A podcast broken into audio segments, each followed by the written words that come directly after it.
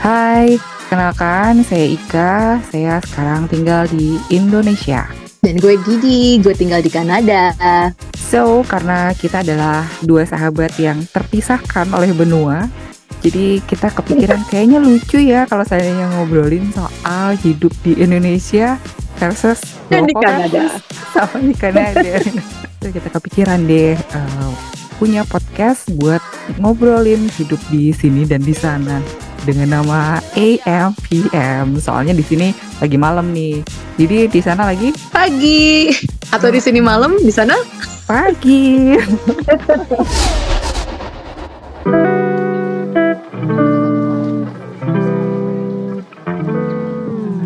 Keren, terus pada diem. Keren. Oh, di giliran diem. Terus abis itu kan lagi lagi nonton eh yang Daily Dose opening itu dulu.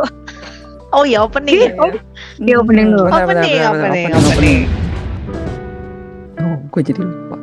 Gue atau lu? Lu aja deh. Lu. Lu ada ganti. Oh my god.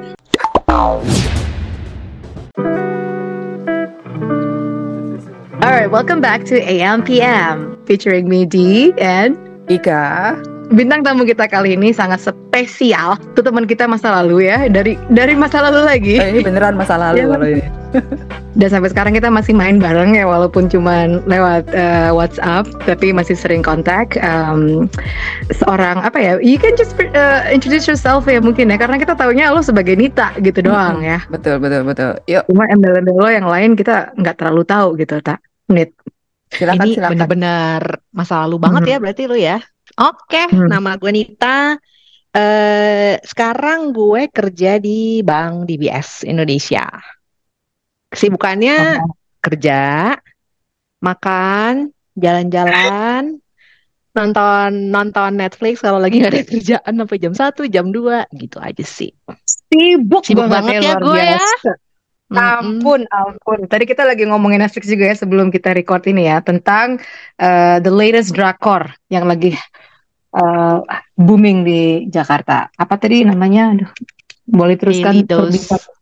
apa tadi of ya Sunshine. Daily Dose of Sunshine Sunshine. Mm-mm. Ah, ya betul Eh, kita soalnya ngera gue sih ngerasa relate aja sama drama itu gitu. Soalnya kan itu macam kayak reminder gitu ya. Jadi ceritanya tuh Daily Dose of Sunshine itu eh, semacam cerita tentang eh, apa ya psychic psychic ward, em, psychiatric ward, rumah sakit yang eh, rumah sakit untuk orang-orang yang gangguan jiwa gitu. Nah itu tuh cer- diceritain lah orang-orang yang di situ tuh kenapa kenapa dan eh, tokohnya ini adalah suster di sana gitu. Kalau Hmm. buat gue sih itu semacam kayak reminder lo harus sayang sama diri lo sendiri juga ya, walaupun lo tuh eh, suka ngurusin orang, suka merawat orang lain, lo tuh bers- berempati sama orang lain, jangan sampai melupakan untuk eh, sayang sama diri lo juga gitu. Gue sih ngambilnya dari sisi yang situ. Kalau Nita, Mm-mm. kenapa gitu bilang bagus? Em, bilang bagus karena pertama itu ada di top 10 gitu kan. Jadi gue Mm-mm. langsung pilih aja. Terus pas Mm-mm. nonton ternyata gila ya hal-hal kayak gitu tuh mungkin di Indonesia masih tabu nggak sih? Kayak lu ke sebutannya apa ya psikolog, Hmm, terus psikiater. lu depresi itu kan it can happen to anyone nggak sih? Yes, Ya kan? banget. Tapi kayak kalau di Indo tuh kayak tabu banget gitu. Gue bilang, gila gue depresi. Kayak tuh tabu banget gitu loh. Sementara Seriously? emang, iya seriously. Jadi sementara di di film itu ya, itu bener-bener yang eh, orang yang contohnya si nurse-nya tadi tuh eh, dia kayak mengalami ya de- depresi lah ya, mengalami kejadian yang sangat shock banget. Terus dia berobat ke rumah sakit, nggak nyampe dua minggu kayaknya deh. Jadi menurut gue kayak kenapa di Indo nggak bisa kayak gitu ya? Maksudnya kalau di kita kan sebenarnya kayak ODGJ gitu kan, kayak orang-orang udah dicap kalau yang ke psikolog tuh atau psikiatris ding. Kalau psikolog kan cuman nggak ada nggak ada obat sama sekali ya. Nggak ada obat ya. Itu kayak nggak ada obat. heeh.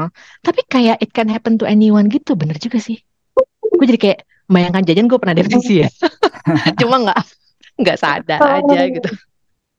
Iya. See. Kalau di sini di Jakarta, eh di Ka- Jakarta, di Kanada biasa banget sih kayak gitu. Orang eh, kalau pengen ngerujuk ke apa namanya ke psikiater gitu ya, um, kayaknya semuanya semua pasti psikiater di sini judulnya ya, karena mereka bisa prescribe prescribe kan. Hmm. Itu kita cuma ke Hmm. family doctor gitu kan. Fam- Family doctor tuh kayak dokter umum gitu lah ya kalau di sana ya. Hmm. Atau Hmm. tiap keluarga tuh mesti punya gitu ya satu. Nah kita ngobrol aja sama dia, nah, nanti minta prescribe untuk uh, apa sih namanya antidepresan lah atau apa atau bisa di, mereka bisa prescribe atau kalau mau ketemu sama uh, terapis gitu bisa juga gitu. Bahkan uh, banyak tuh yang online model-model CBT online gitu tuh yang kita bisa langsung merujukkan diri kita sendiri gitu. Nggak pakai rujukan dari Hmm. family doctor. Ada yang kayak gitu gitu. Jadi saking udah biasanya, apalagi menjelang winter ya.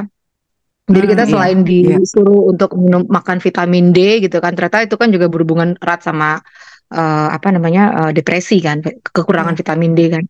Mm-mm. Eh, sama satu lagi apa sih? Hmm. Pokoknya ada banyak lah, ada obat yang biasa kayak semacam Xanax gitu lah, eh, yang untuk Oh iya, eh, Xanax ya. Hmm, seperti hmm, itu, hmm, kayak gitu-gitu.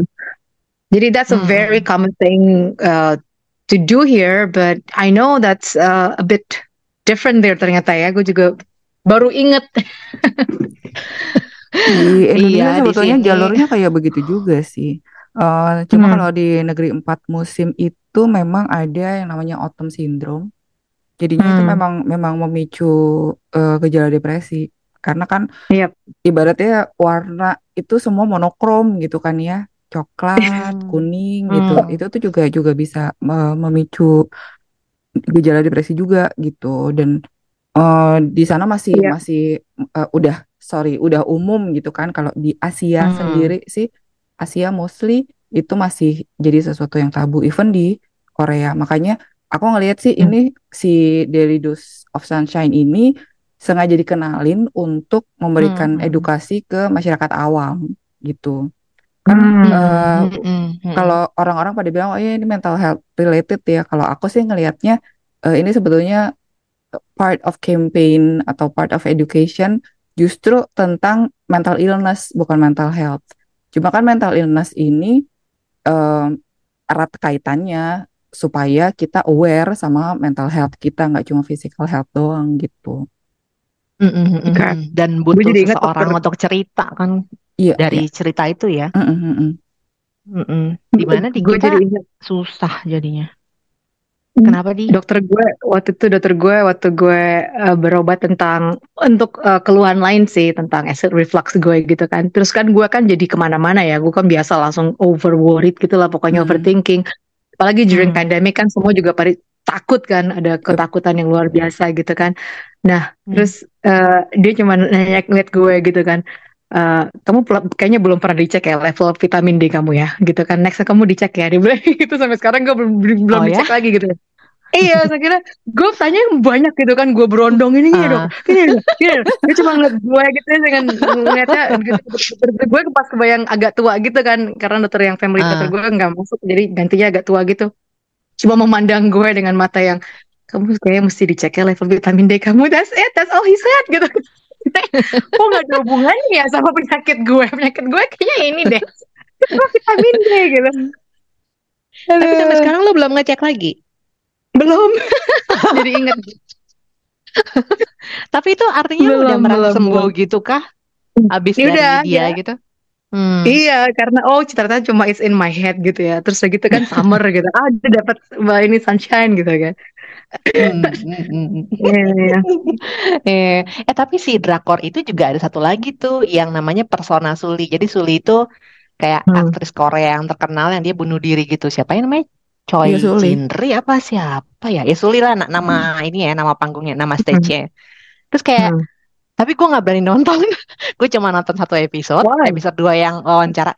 Nggak tahu abis kayak nonton Daily Dose tuh kan kebayang ya betapa mereka menderita gitu. Terus mereka Aha. butuh pertolongan dari seseorang yang bisa cerita. Bahkan kadang-kadang Hmm. solusinya pun dari pasien itu sendiri. Si psikiaternya kan cuma nanya-nanya-nanya doang kan. Solusinya sebenarnya dari dari si Hmm. pasien itu sendiri. Cuma gue takut aja gitu karena pas gue search apa searching di Google gitu, oh si orang Hmm. si Suli ini dia bunuh diri gitu. Maksudnya kayak oke, gue nggak mau nonton. Kayaknya Oh. berat gitu. Langsung Oh, wow. kelihatan dunia nyatanya gitu loh. Drakornya kan kayak bayangan gue kan kayak ya tadi Ika bilang ya, kayak Hmm. mau eh, apa educate orang-orang mengenai Hmm, penyakit ini, mengenai pentingnya menjaga diri, sayang sama diri sendiri, pentingnya punya orang tambah Hmm. cerita, terus tiba-tiba ada kejadian nyata si sulinya gitu kan, gue kayak membayangkan, oke, gue nggak akan nonton deh. Oh wow. Oh gitu. Nonton deh. I see. Mm-mm. Mungkin akan menjadi drakor pertama gue. Cie, memandang langit lepas.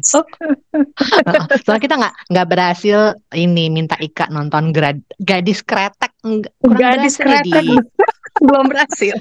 belum berhasil atau kretek aja kan katanya Udah sih. kalau Gen Z pada bingung baca kan kalau kita orang-orang tua udah kretek ya mereka kretek Really?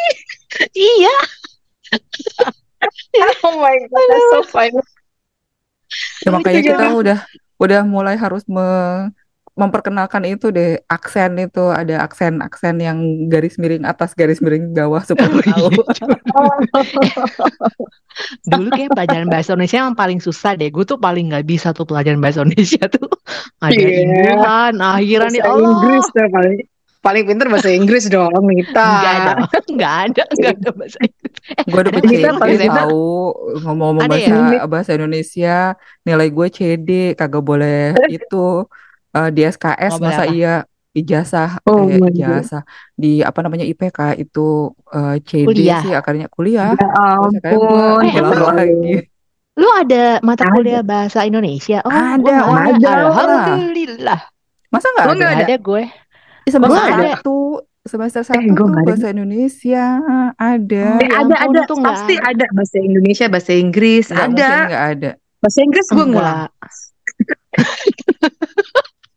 Enggak salah. Iya, gue sebel lihat gurunya, itu gurunya sebel lihat gue ya udah kita ngulang. Jadi enggak cocok ya? Dosen nggak cocok nggak ada Enggak cocok. nggak ada chemistry di antara kita berdua. Kalau kuliah gue nggak ada bahasa Indonesia deh, matematika. Itu yang gue ngulang mulu berapa kali semester pendek, tetap aja BC. Ah, susah banget. Wow. Gue Wow. Kayak ngapain sih pertanyaan-pertanyaan menggali berapa kubik tanah yang harus digali untuk membangun gue kayak ngapain sih matematika kayak gini ya ampun suruh aja orang gali udah ngapain ngapain gitu? tahu Aduh. Lo lo keuangan ya? Apa sih finance atau accounting? Arsitek dia. arsitek Tunggu tunggu tunggu. Kok jadi nyemplungnya kerja dok ke bank? Nah, orang-orang arsitek itu keluarnya lulus tuh kerjanya banyaknya di bank ya nggak nih? Mm-mm, kita kan mengarsitekturkan bang. Ngasal gue Lo nggak tahu harus ada arsitektur arsitektur yang bisa menumpuk uang gimana caranya supaya iya jangan kayak paman gober gitu loh yang keliling keliling keliling. Sampai muter-muter. Ada mandi uang. mandi uang. Teman gober. masih ada Gila ya, tuh? gue masih siap. ada ya Nggak ada. Gak tahu deh. Itu tuh cuma di Indonesia loh. Paman gober di sini Uncle Scrooge juga nggak ngetop loh. Gue sampai cerita gitu kan ke anak-anak. Gue tuh kalau hari Kamis tuh Hmm. dulu pasti nungguin Donald bebek keluar gitu kan sambil makan coki-coki kan. Terus bungkusnya gue buang di belakang tempat tidur gue. Iya. Anak gue lepas sama sekarang mami. itu nggak disebutin. Dan enggak, yang ketahuan tuh pas ada apa ada tante gue yang nginep gitu di rumah gue cuma kamu Ah. suka caki-caki ya gitu kan kelihatan gitu bu. Ini masa kecil gue. Anyways, kita mau ngomongin ini nih tentang kan bentar lagi liburan nih ya. Eh, udah pada pesen tiket dong pasti buat winter break gitu kan, Christmas holiday gitu kan. Eh, topiknya apa kak? tunggu tunggu, Ya, I lost my train. Bener bener Iya. bener. Heeh. Makanya kita ngundang arsitek. Kita mau ngomongin duit, tapi kita ngundang arsitek supaya bisa menyusun duit di dompet, gitu kan? iya. Kenapa gue baru tahu sih? Gue baru tahu lo arsitek salah kan gitu salah ngundang orang. salah kan lo karena arsitek tuh diajarin eh, strategi planning kan kalau misal lo ketemu sama klien mau bikin rumah kan lo nggak nggak nanya rumahnya mau berapa lantai berapa kamar kan enggak tapi kan mulai dari kebutuhan kan gitu ya? Ya kebutuhannya apa duitnya berapa terus kan yang Nah, mikir bisa bisa arsitek bisa. Bisa, bisa. Jadi sama kayak Bang juga gitu kan, kayak mau Hmm. eh, mengatur keuangan buat traveling itu diaturnya ya ini dari sekarang sama arsitek-arsitek yang ada di bank. Enggak ding bercanda. Sama orang-orang yang bisa eh, apa ya? ngasih tips and trick gimana cara lu bisa siapin uang pas traveling tapi after traveling Hmm. lu tetap bisa survive gitu loh. Kan ada ya kalau habis traveling langsung kayak broke gitu kayak gila duit gue udah tipis banget gitu. Angkat Kayak tangan. gitu-gitu. Masih minus gue sampai sekarang. Padahal gue juga pengen uh, pulang kampung lagi tahun depan. Kira-kira gimana tuh? Tos dulu, tos dulu deh, tos dulu deh. Tas, tas, tas. Virtual toss ya. Tas apa sih? Apa sih ininya Virtual ini ya. Nah, Hmm. mm-mm. Sebenarnya sih eh, pertama kayak tadi lu tuh udah tahu tujuan dulu kan. Kayak misalnya tahun Hmm. depan mau pulang kampung, mau balik ke Jakarta. Eh, Hmm. tahunnya let's say 2024 berarti kan. Terus Hmm, eh, ada bulan apa? Yang penting udah udah punya strategi, eh udah punya tujuan. Terus kira-kira Hmm. tujuan itu mau dicapainya kapan? Kan kadang-kadang kalau traveling ya dari beberapa pengalaman orang-orang itu kan akan lebih baik kalau sejauh mungkin lah ya, mungkin setahun dua tahun ke Hmm. depan udah di plan dari sekarang. Itu akan lebih baik. Hmm. Dan pasti kan kita tahu peak season, off season itu kan eh, tergantung tadi ya budgetnya ya. Kalau budgetnya eh, bottomless, bottomless maksudnya kayak bebas, ya bebas aja gitu. Ya lu mau berangkat besok juga oke. Tapi gober kalau gitu ya. Kayak Paman Gober gitu. Tapi kalau kayak Donald, eh Donald Duck tuh miskin gak sih? Kayak Donald Duck, ya enggak ya? Bayangan gue kok salah ya? Siapa sih yang miskin? Iya Enggak, miskin. enggak ada ya? Mobil tiga satu tiga itu doang kan yang butut banget. Kalau kayak si Donald Duck dia mau eh, travel gitu ya dia harus siapin dari jauh-jauh hari. Yang pasti tujuannya. Terus kapan? Sama budgetnya. Lu harus tahu budgetnya. If lu nggak tahu budget ya harus di plan kayak misalnya mau ke Jakarta. Let's say ya di Hmm. Lebaran. Lebaran tuh bulan apa sih? Hmm. Tahun depan? April ya? April. Hmm. April. Oh, really? Terus kan April? Hmm. April. Yoi. betul. Oke, oke, oke. Kayaknya kalender anak gue tuh April udah libur banyak. Jadi gue kayak kayaknya April deh. Jadi udah udah di sini kan juga kita punya banyak banget ya kalau di Indonesia kan ada Traveloka lah, ada tiket.com Hmm. lah, ada apa lagi ya? Agoda, ada Klook, bisa dari mana pun kan searching untuk Hmm. at least dapat estimated budgetnya gitu lah. Nah, kalau tiga itu Mhm. udah clear, em, ah apalagi juga tergantung sama misalnya mau pulang sendiri sama pulang sekeluarga kan beda kan? Kalau pulang sekeluarga Yoi. berarti kali lima ya.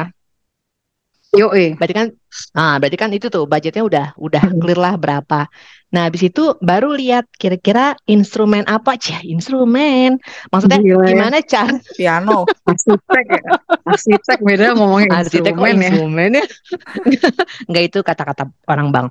Eh, Hmm. banyak cara. Pertama lo bisa nabung pastinya. Tapi kalau let's say lu tadi mau pulang ke Jakarta bulan April, sekarang bulan November, berarti kan tinggal Desember, Januari, Februari, Maret, April, lima bulan. Dan lu kan nggak mungkin beli di bulan April kan? langsung aduh, Iya langsung dong. merasa gitu. Pasti kan harus, harus mulai dibeli ya at least nggak deket-deket eh, ketika kita mau plan perginya itu. Nah, caranya sih banyak bisa lewat tabungan. Kalau misalnya udah nabung, baik, eh, itu akan bagus. Atau misalnya udah kebayang, let's say misalnya eh, budgetnya 100 juta, ya tinggal Hmm. dibagi 5 bulan, berarti sebulan 25 juta. Nah, dari sebulan itu, apa yang mau lo lakukan? Misalnya yang 20. tadinya... Pantesan matematika lu ngulang. Oh, iya. 20 ya? Yoi. Iya kan? Jadi kebayang kan kenapa gue dapet BC. Susah banget itu matematika ngitung tanah diuruk. Ngapain sih? Ya anyway, 20 ya. 20 sebulan. Eh, bisa nggak dapat 20 sebulan itu? Apa misalnya mau melakukan berbagai macam penghematan? Biasanya Hmm. makan apa sih kalau di Kanada di? Terus lo berubah jadi yang lebih murah atau banyak lah ya kalau dari dari Hmm. apa? Dari Kucing. dari tabungan dari tabungan tuh normal lah orang normal. Tapi sebenarnya masih banyak lagi cara-cara lain kayak misalnya Oke, lu let's say udah punya tabungan tadi kan 100 juta, lu udah punya let's say 20 kurang 80. Bisa juga bikin eh, kalau di Indonesia tuh ada kayak namanya apa ya? Saving plan gitulah, tabungan rencana. Jadi Hmm. kayak lu setiap bulan mau nabung sisanya 80 bagi 5 berapa ya 80 bagi 5 ya? Segitulah ya. 19. Hmm. Itu eh ditabung tuh yang harus bikin kayak semacam direct debit. Jadi kayak lu Hmm. biar biar eh, plan lu tercapai, lu harus nabung let's say 15 sampai 19, ya lu bikin direct debit karena kalau enggak lu akan tergiur tiba-tiba ada sale apa, lu tergiur untuk beli. Ada tiba-tiba meja lucu, nanti tergiur beli meja. Jadi akan rusuh kan? Makanya harus benar-benar direct debit yang langsung ngambil dari tabungan lo. Mau nggak mau tuh akan langsung hilang gitu. Tapi sebenarnya banyak juga Hmm. opportunity lain sih, kayak misalnya eh kalau saving plan itu kan yang lu memang menghitung duitnya cukup ya. Tapi kan ada juga yang Hmm. lain kayak misalnya lu bisa beli lewat eh tadi contohnya Traveloka, Tiket.com, bayar pakai Hmm. CC, kan bisa diinstal. Nah, Yes. installment tuh harus tapi harus clear, eh harus dilihat banget karena installment itu kadang-kadang suka bahaya juga. Ada yang Oh, ya? bilang tanpa bunga, tapi lu harus beneran hitung gitu. Let's say lu eh, ngambil eh let's say udah bayar 50 juta, terus akan lo cicil 12 kali, which itu nggak bisa ngitung lagi 60 aja deh. Hmm. 60 juta dibayar Hmm. 12 kali berarti kan bayangan lu 5 5 juta. juta kan sekali bayar. Hmm. Tapi Hmm. dia ngomongnya tanpa bunga, tanpa biaya admin. Kadang-kadang kalau lo hitung lagi secara cicilan harusnya sebulan 1 juta, itu bisa jadi cicilannya 1,1, 1,2. Makanya harus dihitung lagi sih, harus Oh. bener-bener liatin gitu. Dan kalau udah clear mengambil cicilan, jangan sekali-kali bayarnya itu minimum payment. Karena misalnya contohnya bulan depan lah ya, kita harus bayar eh, tadi tadi berapa? Bayar satu juta misalnya.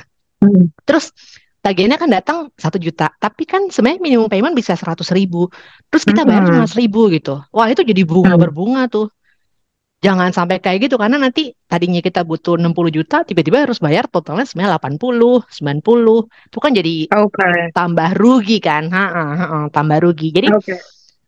installment tuh salah satu cara, tapi memang harus liatin bener-bener tentang TNC-nya, eh, terms and condition-nya, kayak bunganya berapa, ada biaya admin berapa. Terus sometimes bank itu bisa ngasih kayak kalau dicicil 6 bulan itu tanpa bunga dan admin. Kalau dicicil 7 sampai 9 nanti kena admin doang 25 ribu kayak gitu-gitu sih. Jadi harus bener-bener di- Emang? dilihat banget sih. Emang nggak ada breakdownnya gitu ya? Kalau misalnya gue kan pakai misalnya di sini gue pakai Scotia Bank gitu ya. Eh, misalnya gue ambil Hmm. installment. Nah itu Hmm. biasanya nanti dia langsung keluar keluar gitu di eh, app gue gitu. Oh lo kalau ngambil di atas 100 dolar tuh bisa misalnya di install 3 bulan, 6 bulan, 12 bulan. Jadi ada breakdownnya. Kalau 3 bulan tuh totalnya lo jadi segini. Jadi lo 5 dolar ininya fee-nya gitu. Emang nggak ada kayak gitu ya? Nggak kelihatan kayak gitu. Kalau di Indo dia nggak diliatin. Di Indo tuh cuman dikasih tahu misalnya install 3, 6, 9, 12, Hmm. 24, 36. Itu cuma ada tulisannya Hmm. tanpa bunga dan biaya admin. Terus nanti Wow. tanpa bunga. Gitu jadi nggak kelihatan sekali. gitu. Hmm. Menyeramkan jadinya. Iya, oh, oh. Eh, Jadi harus benar. Itu pun nggak semua bank nulis di apps-nya. Kan harus jeli ya. Betul, betul, betul, betul. Jadi itu Satu matematikanya lagi- harus bagus tuh. Bagus. Satu lagi juga yang gue perhatiin, yang gue baru tahu di sini setelah gue nyampe sini adalah namanya credit score. Jadi Hmm, iya, eh, exactly. di sana nggak ada ya? Ada nggak sih? Ada, Ada, juga. ada, ada, Ada. ada credit score. Oh, tapi Ada. nggak di nggak di disclose kan? Nggak semua orang tahu berapa credit score dia gitu kan? Tahu nggak? harus nyari. ada, ada eh, satu kita kalau di di BS itu kemarin mau kerjasama sama namanya Score Life. Jadi Score Hmm. Life itu dia ngebantu orang-orang untuk tahu credit score dia walaupun nggak in terms of kalau di bank kan taunya numbers gitu ya. Angka segini, Mhm. misalnya let's say 1 sampai 100 itu buruk, misalnya gitu ya. 101 Hmm. sampai 200 itu sedang. Tapi Yes. dia cuma ngasih tahu bahwa eh lu credit score lu buruk nih. Gimana tips ya untuk bikin credit score lo Oh. jadi membaik? Misalnya Oh, oke. lunasi hutang-hutang yang berbunga Mhm. tinggi seperti misalnya kartu kredit gitu-gitu. Jadi dia Mhm. dia ngasih tahu caranya cuma nggak ngeliatin skor. Kalau kita di bank itu kan Mhm. tipis antara eh Hmm. let's say tadi 100 sama 101. 100 lo udah nggak dapet eh, Yes. loan. Tapi Mhm. 101 dapat kan cuma beda satu ya. Nah kayak Iya, iya. gitu-gitu heeh.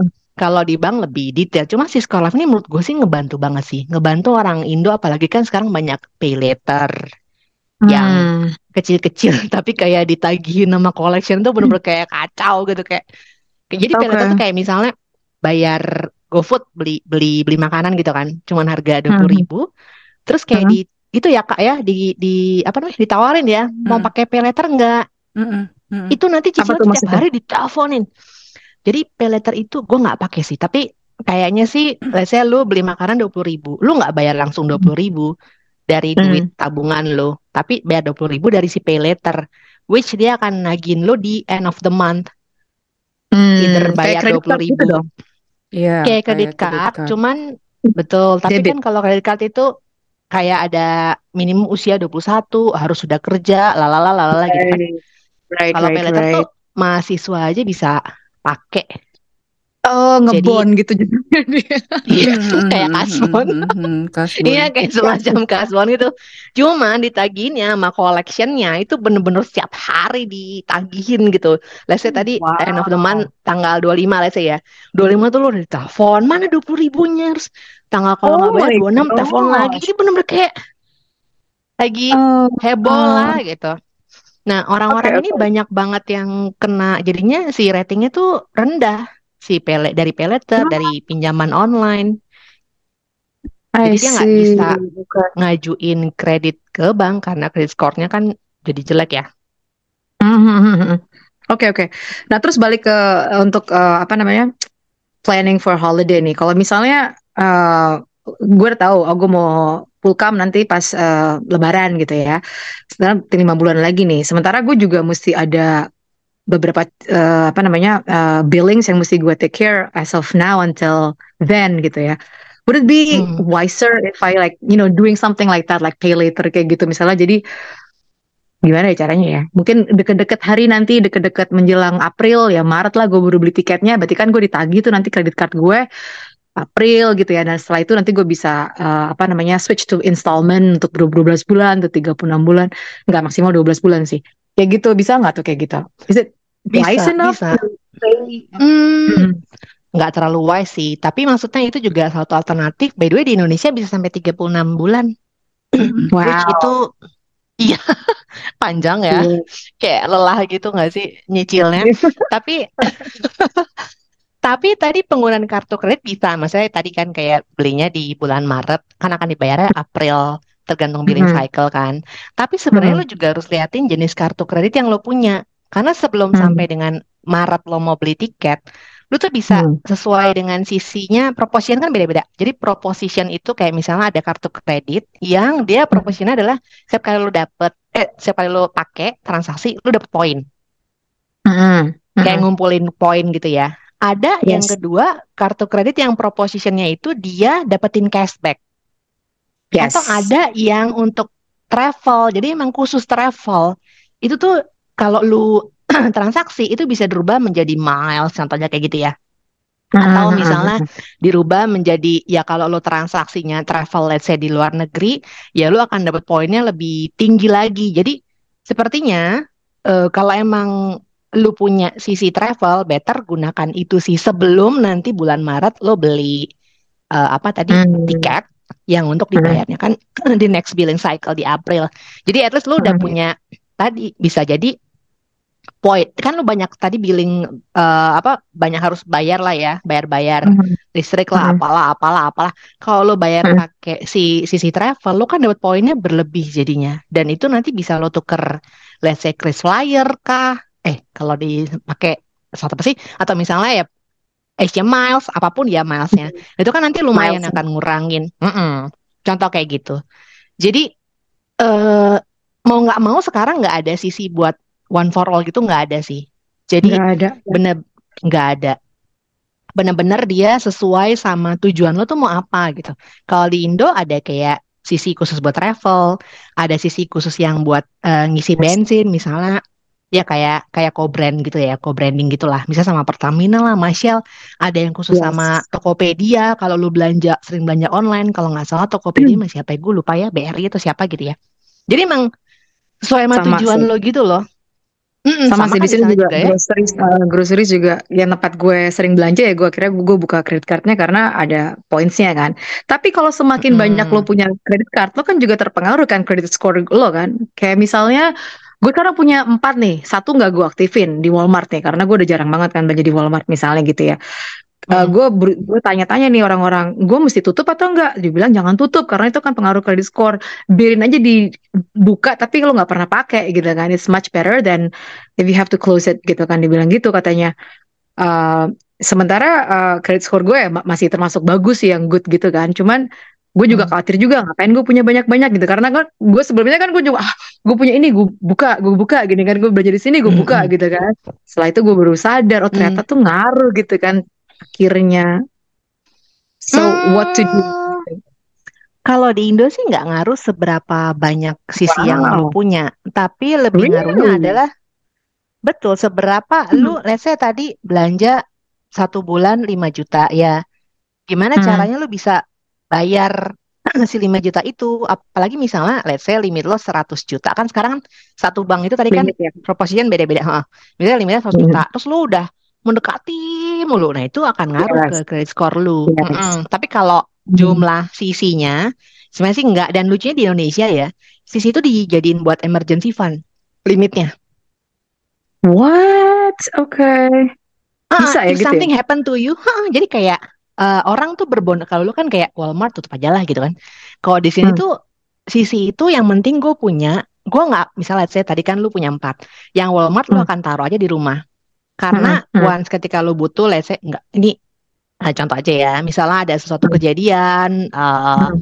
masuk rum- atau butuh ke dokter atau apa, lu tuh masih punya satu sisi yang limitnya akan bisa lo pakai untuk bayar-bayar kayak gitu. Jadi di Indo itu Hmm. kalau dari berbagai research yang gue jalanin ya, mereka lebih Hmm. menggunakan kenapa? Jadi mereka tuh banyak sekali yang nggak puas sama limit kartu kredit. Dibilangnya kayak gila limit gue kecil Hmm. banget, lalalala. Bahkan sebenarnya bank itu menentukan limit seorang nasabah itu dari credit score juga. Kalau credit score lu bagus, Oh. ya lu pasti akan dapat higher limit.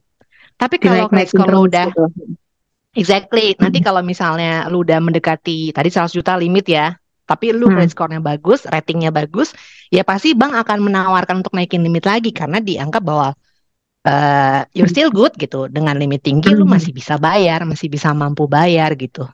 Jadi Hmm. hmm, di Indo banyak jadi emergency fund. Orang berlomba-lomba apply kartu kredit, minta limitnya tinggi hanya untuk ditaruh di rumah, akan dipakai kalau tiba-tiba butuh sesuatu yang dia nggak punya tabungan. Jadi agak salah secara financial planning karena di Indo tuh nggak nggak Hmm. nyiapin ini loh emergency fund dari tabungan yang lu harus berapa kali ya gue lupa deh tiga lima Lima, kali gitu dari Hmm. lima ya Mm-mm. Sekitar Lima lima kalau kali mau dari- aman. Mm-mm, mm-mm. itu di Indo Lima dari mana? so Lima dari Lima dari expenses uh, per month kayaknya. Mm-mm. Well, that's a lot. Iya, banget. Uh-uh.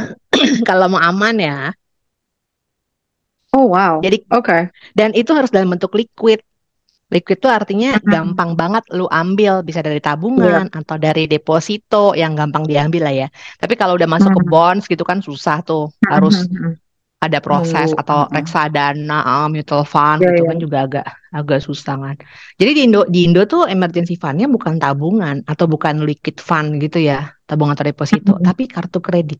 Kartu kredit. Wow. Eh, gue, Ya. gue jadi males ke mana-mana. Kayaknya gue cuma pengen nabung deh sekarang. Lagi Gila, di habis pulsa deh. Ngobrol sama gue. Langsung nyesel kan lu? Langsung nyesel Nyesel. emang Salah deh emang. salah kita ngundangnya salah. Salah. Padahal tadi salah gue gak punya tabungan gitu kan yang memadai. Eh gue mikirnya eh, mumpung apa namanya mumpung si kan kita bisa tahun baru dua kali nih kalau di Hmm. tomorrow today today gitu kan hari ini di Indonesia udah duluan New Year gitu kan besoknya kan masih di Kanada belum New Year kan gitu gue berpikir kayaknya lucu kalau seandainya bisa Year dua kali gitu kan eh terus habis itu ngomongin begini kagak jadi dah gue gue tuh Enggak, yang sebetulnya nunggu kan- nunggu satu satu produk sebetulnya dari bank Apa? kredit tanpa angsuran gitu tuh boleh nggak sih? Itu kayak sama orang terdekat deh. Oh gitu ya. Kalau orang terdekatnya kerja di bank bisa itu KTA. Ya, gue tuh dulu Eh, kan suka ditawar-tawarin tuh ya, apa namanya kredit, ngambil hmm, kredit gini gini terus dengan hmm. isengnya gitu, saking udah capeknya gue tanya gitu, saya tuh cari kredit tanpa angsuran, boleh nggak Mbak gitu? Ada nggak? Kalau seandainya ada, saya ambil deh, gue bilang gitu kan. Terus Mm-mm. yang nawarin langsung diem dong. Eh, ka- kayaknya sih adanya yang tanpa agunan, nggak mau saya, maunya yang nggak ada angsuran. Ada nggak? Kalau ada saya ambil sekarang. Saya juga bingung. Terus Ini ibunya kayak perlu ke psikiater deh. Eh, eh, kayaknya salah nih ibu nih. Langsung dia Langsung diem. menyesal dia, telepon gue, Langsung nyesel. langsung dihapus nama gue dari itu, dari list telepon. heeh, langsung dihapus. Cukup ampuh. Oh iya, itu ngomong-ngomong soal KTA, itu juga bisa jadi alternatif untuk kalau lu mau plan travel tadi ya pakai KTA kan sekarang KTA gampang banget di Indo ya tinggal Mm-mm. kalau lu pakai aplikasi bank lu bisa apply di situ gitu. Jadi hmm, itu juga satu cara cuma memang nggak common sih di Indo. KTA itu biasanya dipakai buat hal-hal yang kayak renovasi rumah bikin interior atau misalnya dia butuh untuk usaha. Walaupun harusnya nggak boleh sih kalau KTA itu buat usaha ya tujuannya. Mm-mm. kayak gitu-gitu tuh makanya ada sekarang namanya kredit multiguna. Itu kayak KTA cuman eh, dibahasakannya namanya juga multiguna ya. Bisa juga buat pendidikan Hmm. anak lu pakai atau misalnya lu buat traveling juga bisa multiguna. Kayak gitu-gitu Hmm. sih.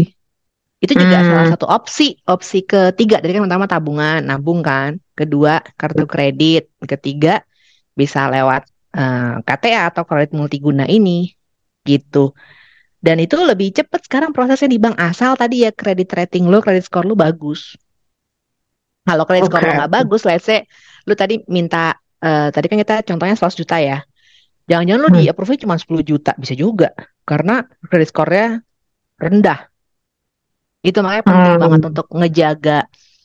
Yang di Indonesia kayak kurang deh edukasinya deh Kak, Iya banget. ngejaga kredit skor Nggak, itu. Heeh. masalahnya kita memang nggak tahu gitu kredit skor kita berapa. Kan yang ada, yang common itu kalau seandainya di kartu kredit ya memang ada eh, kayak rating 1 sampai 5 misalnya gitu. Lo Ya, lancar kolektibilitas. bayarnya, kolektibilitasnya Mm-mm, itu kan. Tapi kalau kredit skor mm-mm. kita mesti nyari sendiri di eh, either di BI atau di mana gitu kan ya. Bahkan di sini yang ada tuh eh, ada juga yang nawarin jasa untuk ngecek-ngecek kredit skor gitu. Terus yang Mm-mm, yang yang gue tahu karena memang eh, kita nggak ada sosialisasi, nggak ada edukasi sama sekali di sini. Oh, financial education Mm-mm. di sini nggak pernah kepikiran Soalnya orang-orang ya. Kagak ada yang ditabung iya. masalahnya.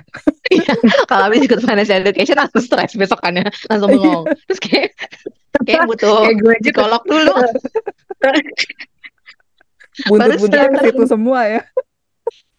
Tapi bener sih, gue ikut beberapa kali financial planner itu ya, kan beneran ngitung tuh. Kayak Mm-mm. anak gue mau nih anak gue kelas eh sekarang kelas 2 SMA tuh kelas berapa sih anak gue suka ngamuk kalau bilang Mimi itu bukan 2 11. SMA Kelas 11 ya 11. oh iya benar kelas 11 berarti kan dua tahun lagi dia harus kuliah itu beneran dihitung gitu habis itu langsung pusing kan gue aduh udah banyak banget dia butuhnya aduh terus, terus yang ada malah nggak ngapa-ngapain gitu kayak ah ya udah deh gue yang penting makan dulu hari ini Iya kan, malah ngerjain yang gak penting-penting yang kira kan yang di depan mata gitu kan. Percayalah deh, udah udah Heeh. dihitung tuh meleset juga. Jauh melesetnya.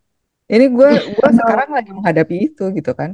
Gue udah ngitung, Hmm. nyiapin, Hmm. udah udah ya udah semuanya lah ya. Even gue kalau seandainya dipikir-pikir pada akhirnya hitungan gue itu agak sedikit ngepas karena eh, anak gue kan apa namanya dapat dapat universitas yang gue nggak perlu bayar yang uang gede banget gitu ya sesuai lah Hmm. sama yang gue bukan bukan gue perkirakan Eh, Hmm. yang jelas sesuai sama universitas yang kira-kira jalurnya di situ gitu karena gue waktu itu bilang Hmm. kalau seandainya lu nggak dapat universitas negeri lu gap year aja deh gitu sampai lu dapat universitas negeri karena gue nggak sanggup Hmm. bayar universitas swasta gue bilang gitu kan terus Hmm. eh, abis itu alhamdulillahnya dapat terus udah gitu eh kita bisa masih bisa ngajuin subsidi gitu, minta subsidi dari kampus. Jadinya pada akhirnya oh hitungan gue jadi ngepas ah gitu.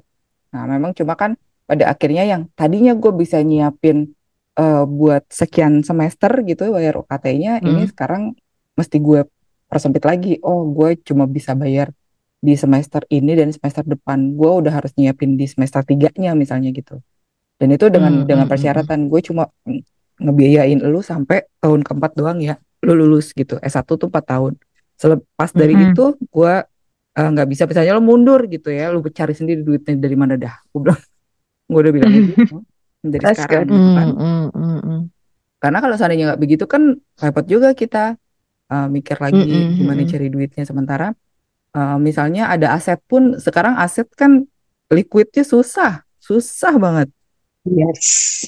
Itu yang Exactly. jadi jadi jadi pikiran gitu. Orang kalau dulu mungkin da- daya beli orang tuh masih banyak. Sekarang after pandemi daya Hmm. beli aja udah amat sangat turun banget gitu. Makanya Hmm, Kayaknya hmm. kayaknya lucu. Next kita ngomongin tentang itu deh, eh, investasi deh. Sama Nita ya. Hmm, Soalnya boleh. kalau orang zaman orang zaman dulu kan kalau nggak tahu ya kalau kayaknya bilang eh lo mesti beli rumah gitu kan. Itu kayaknya Mm-mm. mesti banget gitu kan.